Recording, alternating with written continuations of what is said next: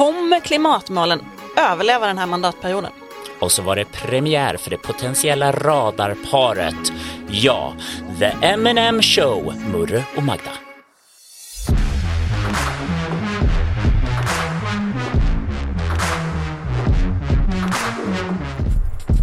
Det här är Politiken med Maggie Strömberg, Torbjörn Nilsson och Henrik Torehammar. Alltså tidig pressträff i måndags. Eller 8.15 är din tidig pressträff. En måndag är ju 8.15, ganska tidigt. Är det inte det? Det kändes så när Magdalena Andersson och Muharrem Demirok skulle göra sitt första fototillfälle, framträdande policyförslag. Det var scenen var riksdagens presscenter. Hej och eh, välkomna till den här pressträffen. Jag och Muharrem Demirok står idag och på grund av eh, att regeringens och Sverigedemokraternas bakåtskrävande klimatpolitik inte är bra för vårt land. Nu är det första gången som Socialdemokraterna tillsammans med den nyvalda partiledaren, relativt nyvalda partiledaren, ja, egentligen skulle stå bredvid varandra. Så man var nyfiken på dynamiken. Alltså, det var inte det att jag var trött i måndags, men jag bara gäspade. Eller jag förstår inte den här liksom försöken till uppdramatisering.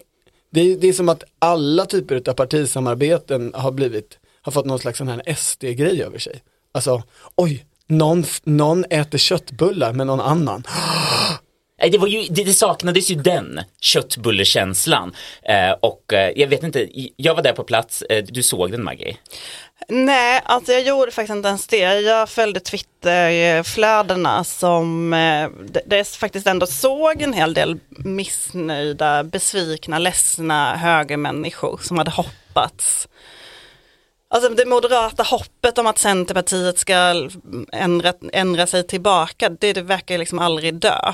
Men nu, så det var liksom nu var, de, eh, det var, nu var de besvikna över att han visade sig, även han var en sosselakej, förslavad av det socialdemokratiska partiet, likt så många andra av oss. Ja, men, men det här, nu blir det ju tramsigt, nu är vi bara i det här med hur det ser ut, vilka som går bredvid vem, att de inte äter köttbullar tillsammans, att, att Magda inte matar Murre så här bara, ta en till köttbulle eller någonting som man kanske vill ha haft som första liksom fina bild, för det är ju bara en gång man tar den första fina bilden. Ja, men det intressanta låg ju inte i att de stod där, utan att det i vad de sa. Alltså det de egentligen gjorde var ju bara att eh, försöka peta klimatbollen ännu mer på Romina Pourmokhtari. Du måste göra någonting, det måste hända någonting. Fast framför allt så började de ju anklaga regeringen för att ha bedrivit falsk marknadsföring i valrörelsen. Alltså, nu håller ni på och eh, fjärmar er från klimatmålet, börjar ifrågasätta det. Det var det minsann ingen som sa i valrörelsen från er sida. Det är ju falsk, eh, eh ni har ju fört väljarna bakom ljuset. Det sa de. Men, och, och det ligger ju lite i att man ser ett eh, större avståndstagande från klimatmålen. Alltså Romina Pourmokhtari, klimat och miljöminister, är hon det? Ja. Jag kommer aldrig ihåg titlarna. Mm. Eh, hon eh, var ju Agenda i söndags i SVT och då poängterade hon ju flertalet gånger att klimat eh, trafik, transportmålet till 2030 är väldigt ambitiöst. För ambitiöst tycker vissa. Det tycker inte den här regeringen men vissa säger att det är för ambitiöst. Eh, Vadå vissa? Alltså det är ju regeringsmänniskor och moderater som säger det. Ja, om man ska, säga, om man ska på något sätt här, försöka teckna vägen från klimatmålen så har det väl, började det väl på Svenska Dagbladets ledarsida, alltså vår tidnings ledarsida där Peter Wennblad ju sa liksom, antingen måste göra mer eller så måste ni ta bort det här målet. Ni måste erkänna att eh, ni ja, inte kommer klara målet. Det var ju i september Ja, det är ju alltså, förra precis efter valet. Det var ju typ tio dagar efter valet. Så han, där startar ju den här bollen. Och det är ju precis efter valrörelsen så att säga. Och sen kommer ju en budget där mm, Finansdepartementet självt skriver att med den budget man nu lägger så kommer man inte att nå målen. Varken eh, transportmålet eller det här eh, 63% målet. Alltså det är ju otroligt, eh, det är må många mål och många olika siffror. Men det finns till 2030 ett mål som rör transportsektorn, Ja. där utsläppen från inrikes transporter ska minska med minst 70 procent jämfört med 2010. Sen finns det ett annat 2030-mål som säger att utsläppen bör vara 63 procent lägre än utsläppen år 1990. Ja, det, det, det, någonstans är det ju att hela icke-konkretionen i de här målen gör ju den här politik, eh, hela politikområdet rätt obegripligt. Men det som hände efter budgeten var ju att eh, finansminister Elisabeth Svantesson gjorde en intervju med vår kollega Erik Nilsson där hon får frågan vad innebär det om Sverige inte skulle nå 2030-målet? Svarar, det innebär att vi inte når målen. Gör vi inte det så gör vi inte det. Ja men och, har man lyssnat på moderater eh, under hösten och nu under vintern och våren så har ju det funnits en sån där rörelse, eh, ett ifrågasättande av ska man ens ha mål? Eller i alla fall de här målen, i alla, eller i alla fall något av de här målen. Och nu kommer ju också i en intervju med Erik Nilsson, eh, Fjellner, Stockholmsmoderaten ut och sa att eh, det där trafikpolitiska målet, det ska vi inte ha. Eller det borde man slopa och det har jag alltid varit emot förresten. Vi måste sluta göra så mycket reklam för Erik Nilsson i den här podden. Jag är jättenervös att någon ska rekrytera honom från ett annat mediebolag. Jag Eftersom han trodde- står för liksom 90% av svensk politisk journalistik Jag just trodde nu. du skulle säga att du var jättenervös över att någon skulle tvinga honom in i den här podden. Nej, det vore ju underbart. Om svaret på mina frågor är nej, då respekterar jag naturligtvis det. Nej, tack. Hi, I'm Dori Shafrir, And I'm Kate Spencer. and we are the hosts of Forever 35. And today we're talking about Club Med, the best all inclusive getaway for families. Today, Club Med has nearly 70 resorts worldwide, from beachside resorts in the Caribbean and Mexico to magical locations in the Maldives and Morocco to ski resorts in the mountains from Canada to the Alps. Between their all inclusive family programming, wellness offerings, land and water sports, and their French heritage inspired food and drink offerings, Club Med is the best way to elevate your family getaway, no matter which location you're at. To learn more, visit clubmed.us.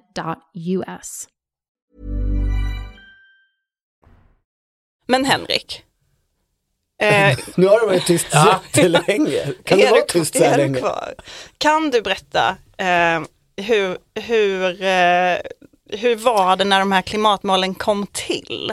Ja, för det är ju egentligen de här klimatmålen eh, som vi varit inne på. Det här med transportmålet är ju ett etappmål. Det är alltså en del där huvudmålet 2045 är netto noll. Och allt det här togs ju 2017 när det klimatpolitiska ramverket som består av tre delar, rådet, målen, lagen, liksom kom. Alltså den där treuppräkningen är så underbart Det här- tråkpolitisk. Det var det här, det, det, Säg den det, en gång till så vi får höra den fint. rådet, målen, lagen. Ja. Det är alltså klimatpolitiska rådet Precis, de som ska granskar. utvärdera, granskar, hur går det för det här? Det här är ju en MP-baby, Ja. alltså, eh, som de ju har modellerat efter det finanspolitiska ramverket. Som de säger, så här, det är det heligaste, jag minns när de höll på med det, de bara, det är det heligaste som finns i svensk politik. Nu ska vi göra ett klimatpolitiskt ramverk som ska bli lika heligt. Så det är rådet och så är det målen. Ja. Det är de vi, alla de här olika etappmålen. Och Det stora slutmålet. Mm. Eh, jordens överlevnad. Eh, och vad Och sa du mer? så- lagen. lagen, precis. Klimatlagen. hur man ska göra detta. Och som sagt, miljöpartisternas kanske stoltaste, det är det de pekar på. Så Men när vi sitter med i en regering, då blir det liksom klimatlag som kommer till. Och det här, eh, miljöpartisterna är väldigt stolta, för det här kommer egentligen från miljömålsberedningen som tillsattes 2010 av alliansregeringen. Och det här är egentligen svaret på varför Sverigedemokraterna aldrig var med eh, på själva eh, det klimatpolitiska ramverket. För det är bara det första som Miljöpartiet gjorde 2014 var i ett tilläggsdirektiv göra så att då skulle det här klimatpolitiska ramverket komma till och då fortsatte liksom samma gäng utav partier, de sju partier som var med För att den här tillsattes eh, på sommaren 2010 innan Sverigedemokraterna hade kommit in i riksdagen. Alltså det här var ju en tid när man i svensk politik fortfarande tyckte att det var ganska bra att hålla SD utanför olika typer av parlamentariska sammanhang och inte riktigt insåg att i slutändan kanske det leder till Det är ju också en problem. tid, alltså det här är Miljöpartiets eh, väljarmässigt liksom absoluta peak. Eh, på den tiden då partiledare gärna stod på pressträff med Miljöpartiet Absolut. istället för att Ja inte göra det. Och, och, det här, och det här blev, det blir man liksom nyfiken på, okej det fanns den här stora enigheten och eh, lite snabbt försökte jag gå igenom och prata lite med så här moderater, men hur var det då på den här tiden? Var det så att eh, ni egentligen sa insats, att ah, men vi vill inte liksom ha det här som en konfliktfråga med Miljöpartiet, eh, liksom, när det kommer till 2017, det är ju efter Parisavtalet, efter liksom att världen har liksom enat sig om att nu ska vi ta krafttag för att lösa den här problematiken. Men de moderat jag pratade med sa att nej, det, det var inte riktigt så, utan det, dels var det en annan era fortfarande, liksom, kanske hålla Sverigedemokraterna utanför, men fortfarande den här tanken på att ska vi lösa stora, breda, långsiktiga problem så gör vi det tillsammans med saker som håller. Och vad Moderaterna tryckte på, det är ju så här att nej, men vi, det var just målen, det var ju det här liksom, vänsterpartister och miljöpartister, de vill ha hårda etappmål, typ rör inte skogen, medan liksom vi i gamla alliansen pratade mer om, eh, vi ska kunna använda skogen för att lösa det här. Och det är då man kommer till, eh, det fattades ju inga beslut om hur vi ska lösa det hur ska vi komma till till exempel då transportmålet 2030 utan det kommer ju till exempel med reduktionsplikten som kommer efteråt och sen drivs upp i januariavtalet att det ska bli en sån här brantare kurva och då hör vi ju nästan de här skogsägarintressena Men det är. Vänta, förklara detta. Skogs... för- Varför vill skogsägare, varför tycker skogsägare om reduktionsplikt? Eh, Centerpartiet tycker ju om reduktionsplikt för att man helt enkelt brukar jorden, använder eh, biomassan eh, så, mycket det, så mycket det bara går. Eh, men det jag tycker är det centrala här är ju 2017, vilket inte är jättelänge sedan. Eh, Men är under den tiden när Miljöpartiet inte längre var liksom den heliga graalen som partierna ville samlas kring. Då är ju fortfarande samtliga partier som är representerade i dagens svenska regering för de här klimatmålen och med i den liksom, parlamentariska uppgörelse till 100 procent.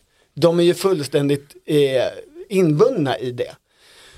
Det är ju den liksom, gradvisa rörelsen som man nu gör som går helt stick i stäv med det. Och där har ju Socialdemokraterna och Centerpartiet en poäng i att, alltså, Eh, var ni emot klimatmålen eller tror inte det går att nå dem?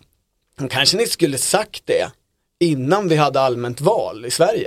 Jo, men det intressanta med den här pressträffen som var i måndags, förutom att man då fick se eh, den lite spända, onaturliga relationen Magdalena Andersson och Muharrem Demirok, var ju att eh, så fort de fick frågor på vad de själv vill göra med reduktionsplikten, hur de själv vill nå de här målen som de står och säger att regeringen måste visa hur de ska nå, då kommer det ju absolut ingenting. Då, är det ju, då var det ju liksom långa, långa haranger med svepande anklagelser och noll innehåll.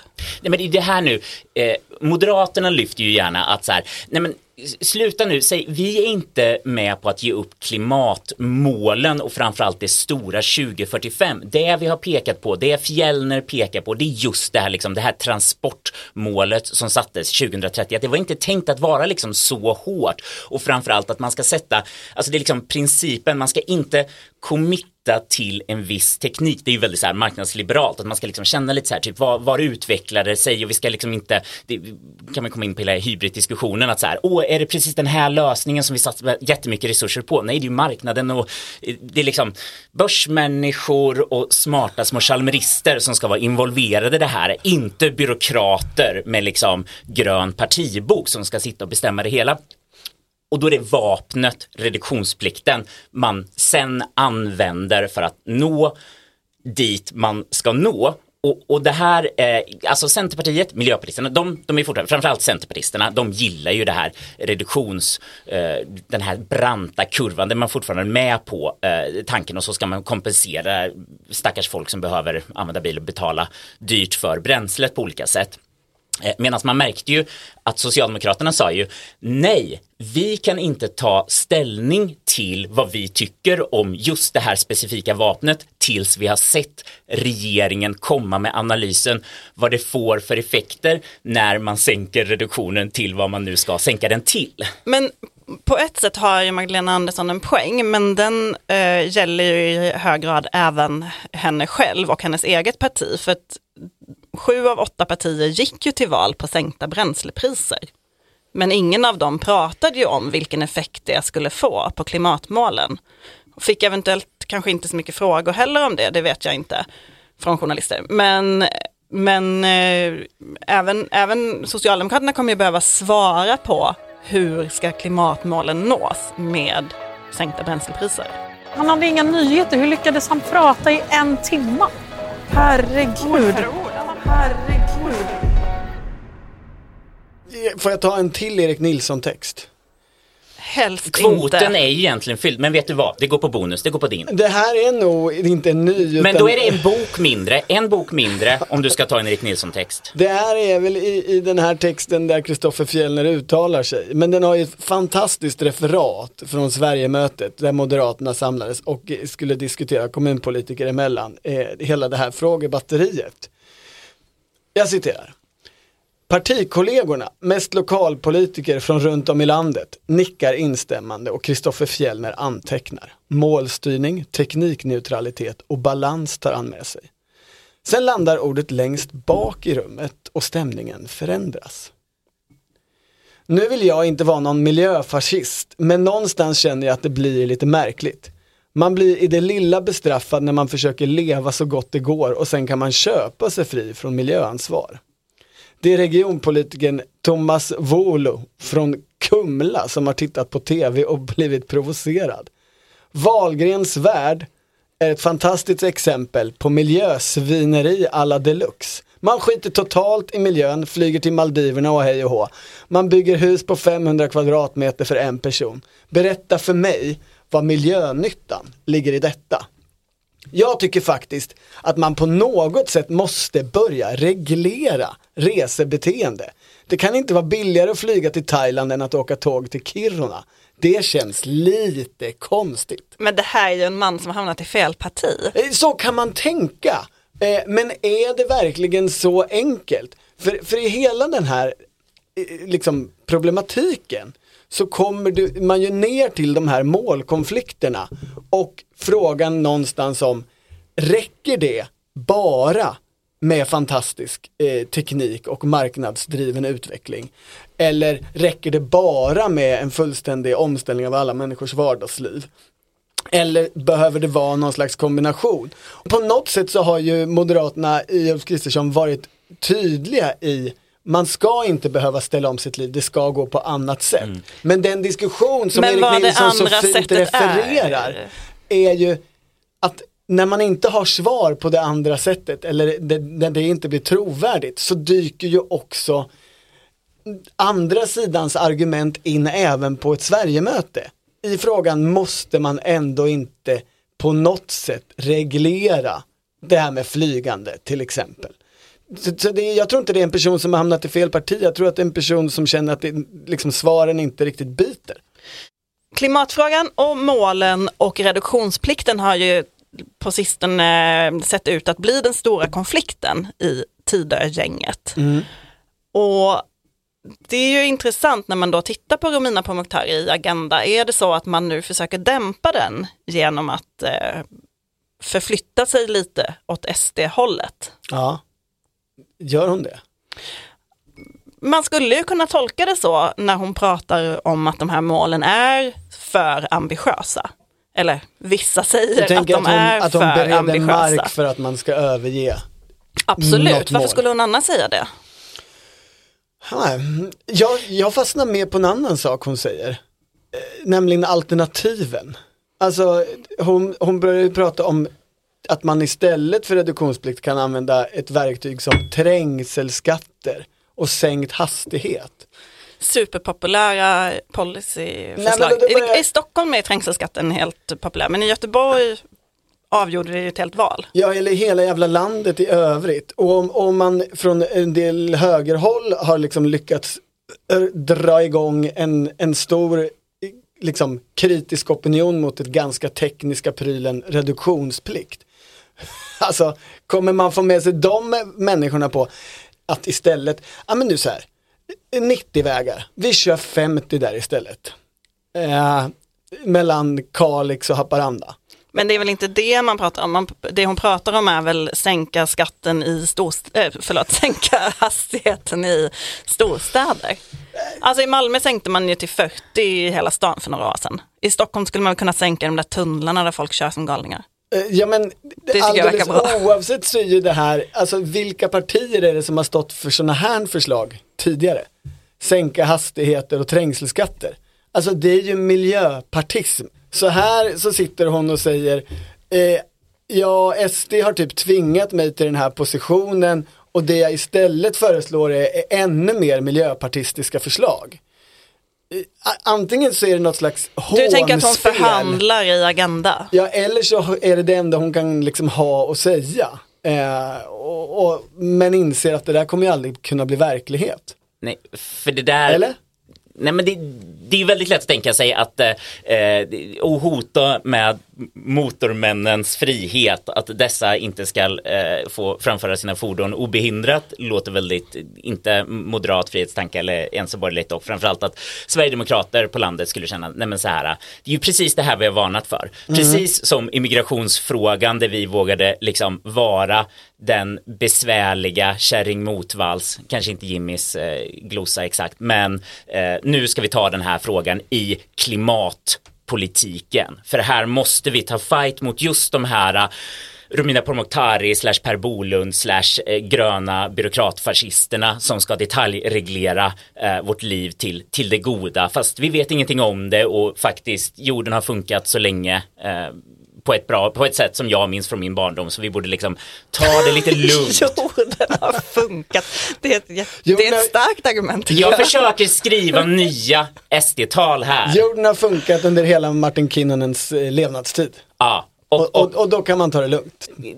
någon version utav eh, detta, känslomässigt i alla fall. Eh, att framföra detta. SD tycker ju, till skillnad från de andra, att det inte är så farligt om vi inte når 2045-målet. De tycker att då, det har ju Kinnunen sagt, säkert i en Erik Nilsson-intervju, att eh, det här kan man köpa sig loss från. Eh, man kan köpa utsläppsrätter från Bulgarien, tror jag var landet han valde.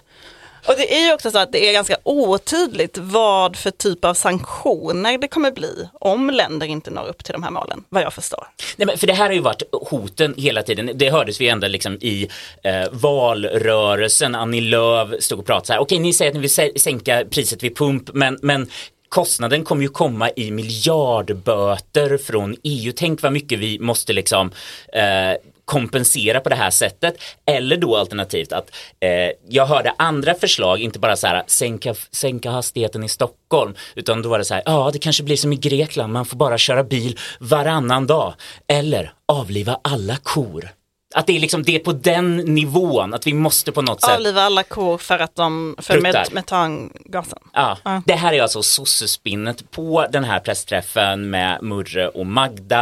Eh, då, Alltså efter, i snacket efteråt. ja, eh, när det kom liksom så här kunniga Det de gick och viskade. Ja, men en annan version av det här mediekritiken var att eh, vi är liksom så halv, halvlytta, höll jag på att säga. Nej men vi är halva, eh, vi kommer inte fram till målet. Vi säger så här, eh, ja når man inte målet så når man inte målet. Eh, utan vi måste ju prata om konsekvenserna och då menar de här sossespinn-personerna inte konsekvenserna för klimatet, för antalet isbjörnsvalpar som ramlar igenom de tunna nattisarna, utan konsekvenserna för vanligt folks plånböcker och möjligheter att ett, ha kor eller två, eh, få kunna köra varje dag. Alltså att det är liksom, de vill ha fokuset på eh, alla effekterna och samma sak lite Centerpartisterna pratar ju mycket om liksom, det är ju jobben, det är ju jordbruket, det är ju näringarna, det är ju de konsekvenserna de vill lyfta fram. Jag har pratat väldigt lite sakpolitik egentligen. Väldigt lite sakpolitik egentligen.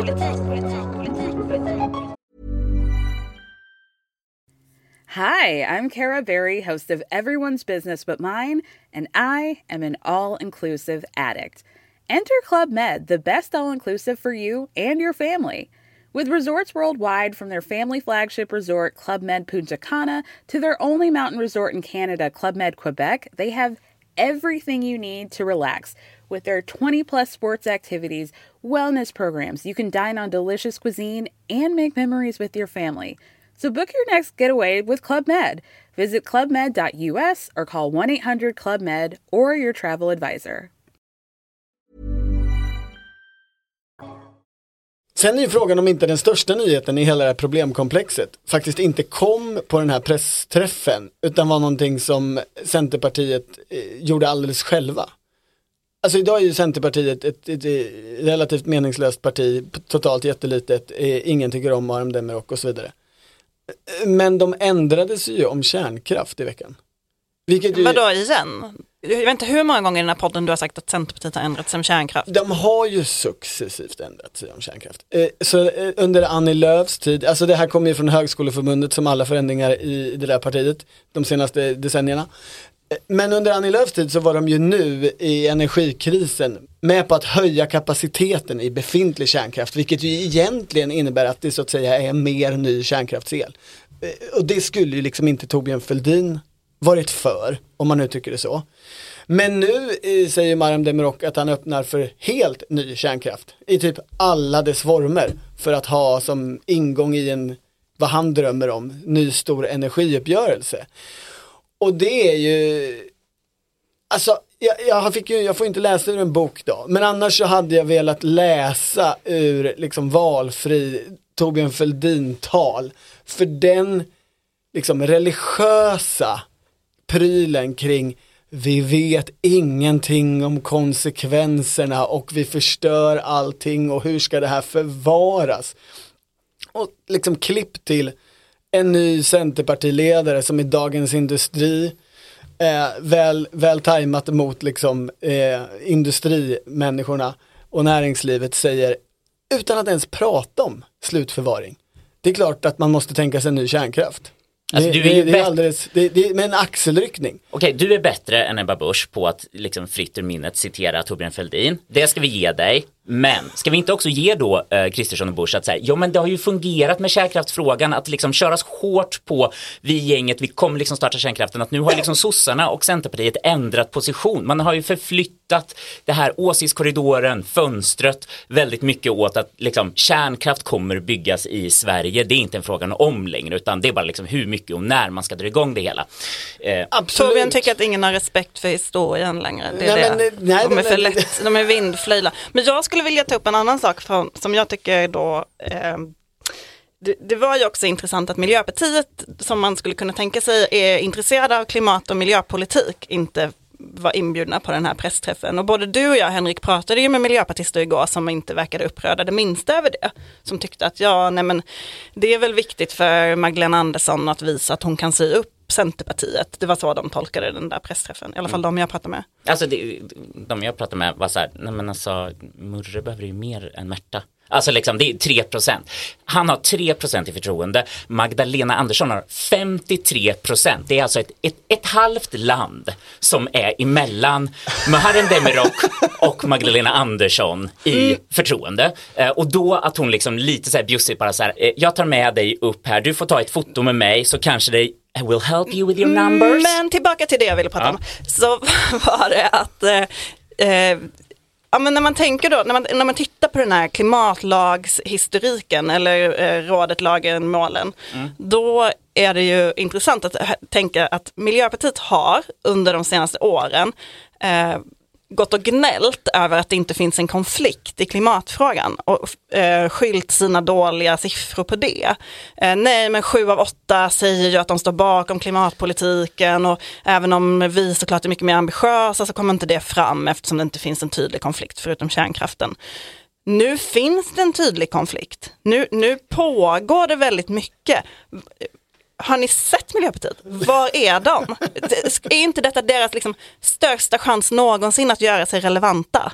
Men är det inte, inte den enkla förklaringen att de tycker att sänka sig ner till att börja liksom munhuggas med några eh, Sverigedemokrater som inte bryr sig om fakta, eh, så som miljöpartisterna ser det.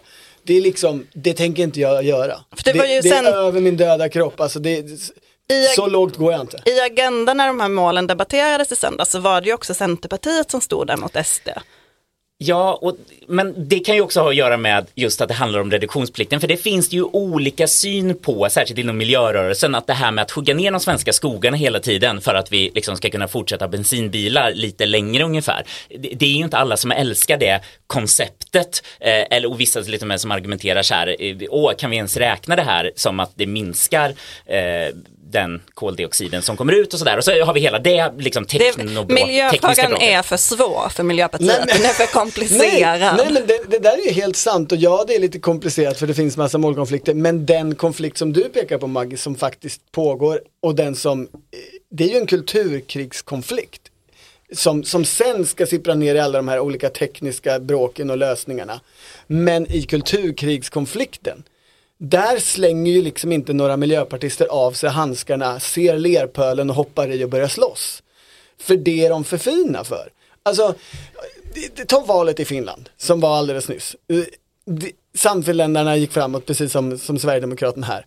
Där var ju en väldigt viktig del, alltså jag menar, in, de är emot invandring samfinländarna, men det är ju inte samma konflikt eh, som det är i Sverige.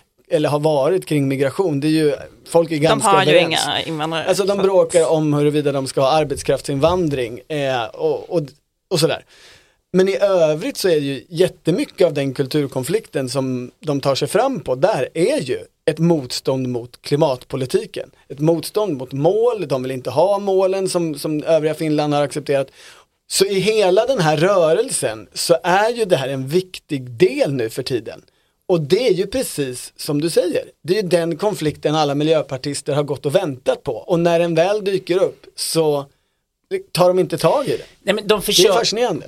För det låter ju lite som att de vill fortfarande ha på något sätt eh, nivån av att vi måste vara chockade över att moderater, kristdemokrater, liberaler nu på något sätt lämnar den här fina uppgörelsen. De måste liksom eh, vara tydliga med sveket, ja, så att det blir återigen en sån här valsveksdebatt också, men på något sätt att vi kom ju överens om det här systemet, att lite som så här med pensioner gömma undan det i en liksom byråkratisk lösning så att det inte ska bli eh, de här eviga liksom fighterna eh, i då skulle de kanske tagit in SD i värmen tidigare. Precis, alltså det där vore ju väldigt... Precis som pensionsfrågan. Alltså konsekvensen av att SD har stått utanför så länge. Har, alltså, jag säger inte att det, det, detta liksom, populistiska parti skulle köpt alla de här sakerna, men en konsekvens har ju blivit att de har kunnat stå utanför och driva konflikt. Och plötsligt är ju inte heller pensionsfrågan något som partierna är överens om. Nej, så kanske hade det blivit mer buy-in. Det är svårt att göra den här tidsmaskinen åka tillbaka till vad som hade hänt om Sverigedemokrater hade kastats in där 2014 och fick vara med och liksom förhandla. Åh, vad tycker vi är rimligt? När ska vi ha Alltså sanningen är väl, det är ju svårt med kontra eh, faktisk historieskrivning, men sanningen är ju att 2014 så skulle nog sannolikt Sverigedemokraterna köpt rätt mycket av klimatpolitiskt ramverk och klimatmål. För då brydde de sig inte särskilt mycket om frågan. Då var ju deras, alltså deras miljöpolitik handlade ju, var ju så att säga vid den tidpunkten enkom konservativ. Eh, behåll eh, betande kor som eh, i Haga för det ser fint ut bredvid de, de röda husen med de vita knutarna och det är vår tradition. Eh, den hade ju inte alls tagit sig till den här, nu ska vi bråka med den liberaliserade, urbaniserade klassen i Europa. Sanna Marin-människorna som är alldeles för radikala i sin hela liksom livsapproach. Där är vårt kulturkrig och därför ska vi in i klimatfrågan. Så, så där tror jag, jag tror faktiskt att det- är ju en gissning då. Men jag tror man hade kunnat binda Sverigedemokraterna ganska hårt eh, vid det skedet.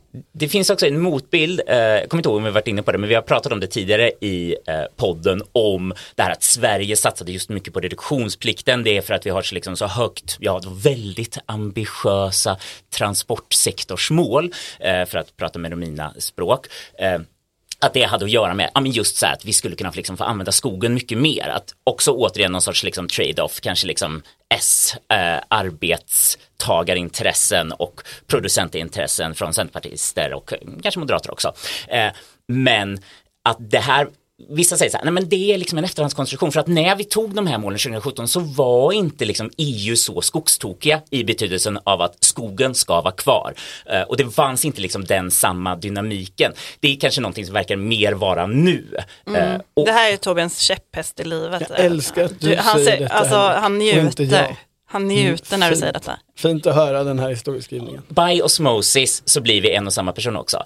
Eh, Så då landar vi som alltid i att så här, ja, det är EU som ska lösa allting. Det är på något sätt liksom, för fortfarande, i alla fall Moderaterna är fortfarande på att vi kickar upp det till EU. Det blir Swexit.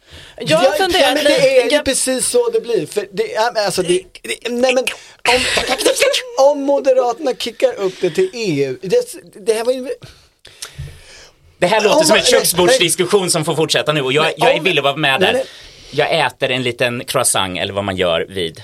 Om Moderaterna kickar upp det till EU så skapar man ju bara ännu mer sån konflikt och då går det över till en EU-debatt. Jag tror precis att det är det du, du är helt rätt ute Maggie. Ja, jag har också funderat idag på varför, eh, liksom själva, alltså jag, jag tänkte på den här Magdalena Andersson-kritiken då av att man borde sagt i valrörelsen att man inte skulle nå klimatmålen om man nu vill sänka och så skulle folk få ta ställning till då bensinpriset mot klimatmålen.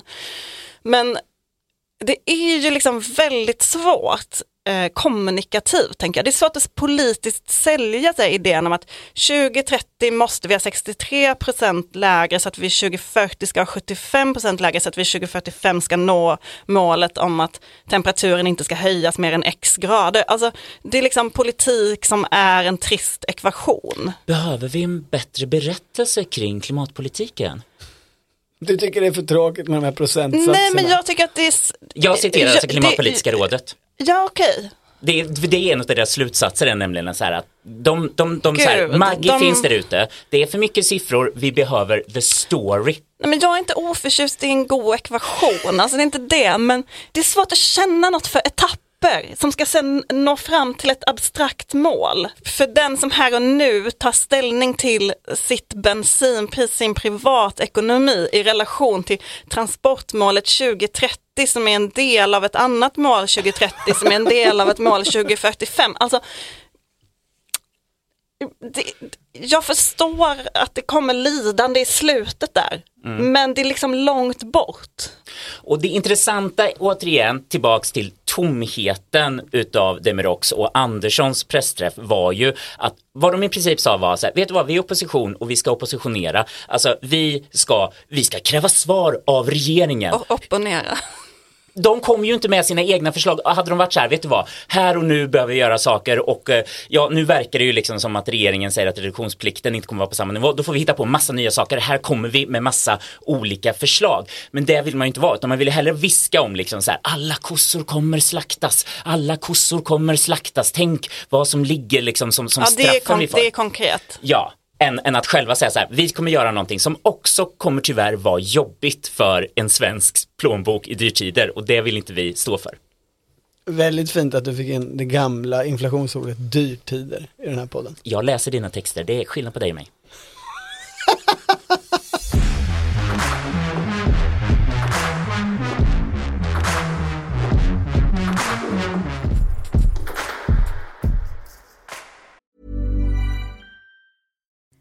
Hi, I'm Kara Berry, host of Everyone's Business But Mine, and I am an all inclusive addict.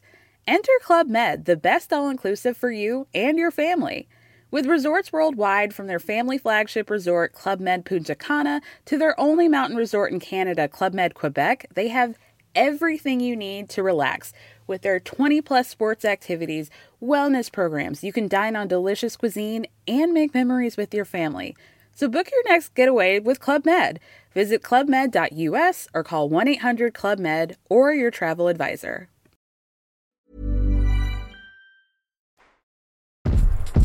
Du har lyssnat på Politiken, en podd från Svenska Dagbladet. Producent Mattias Dellert och ansvarig utgivare Anna Kardeborg.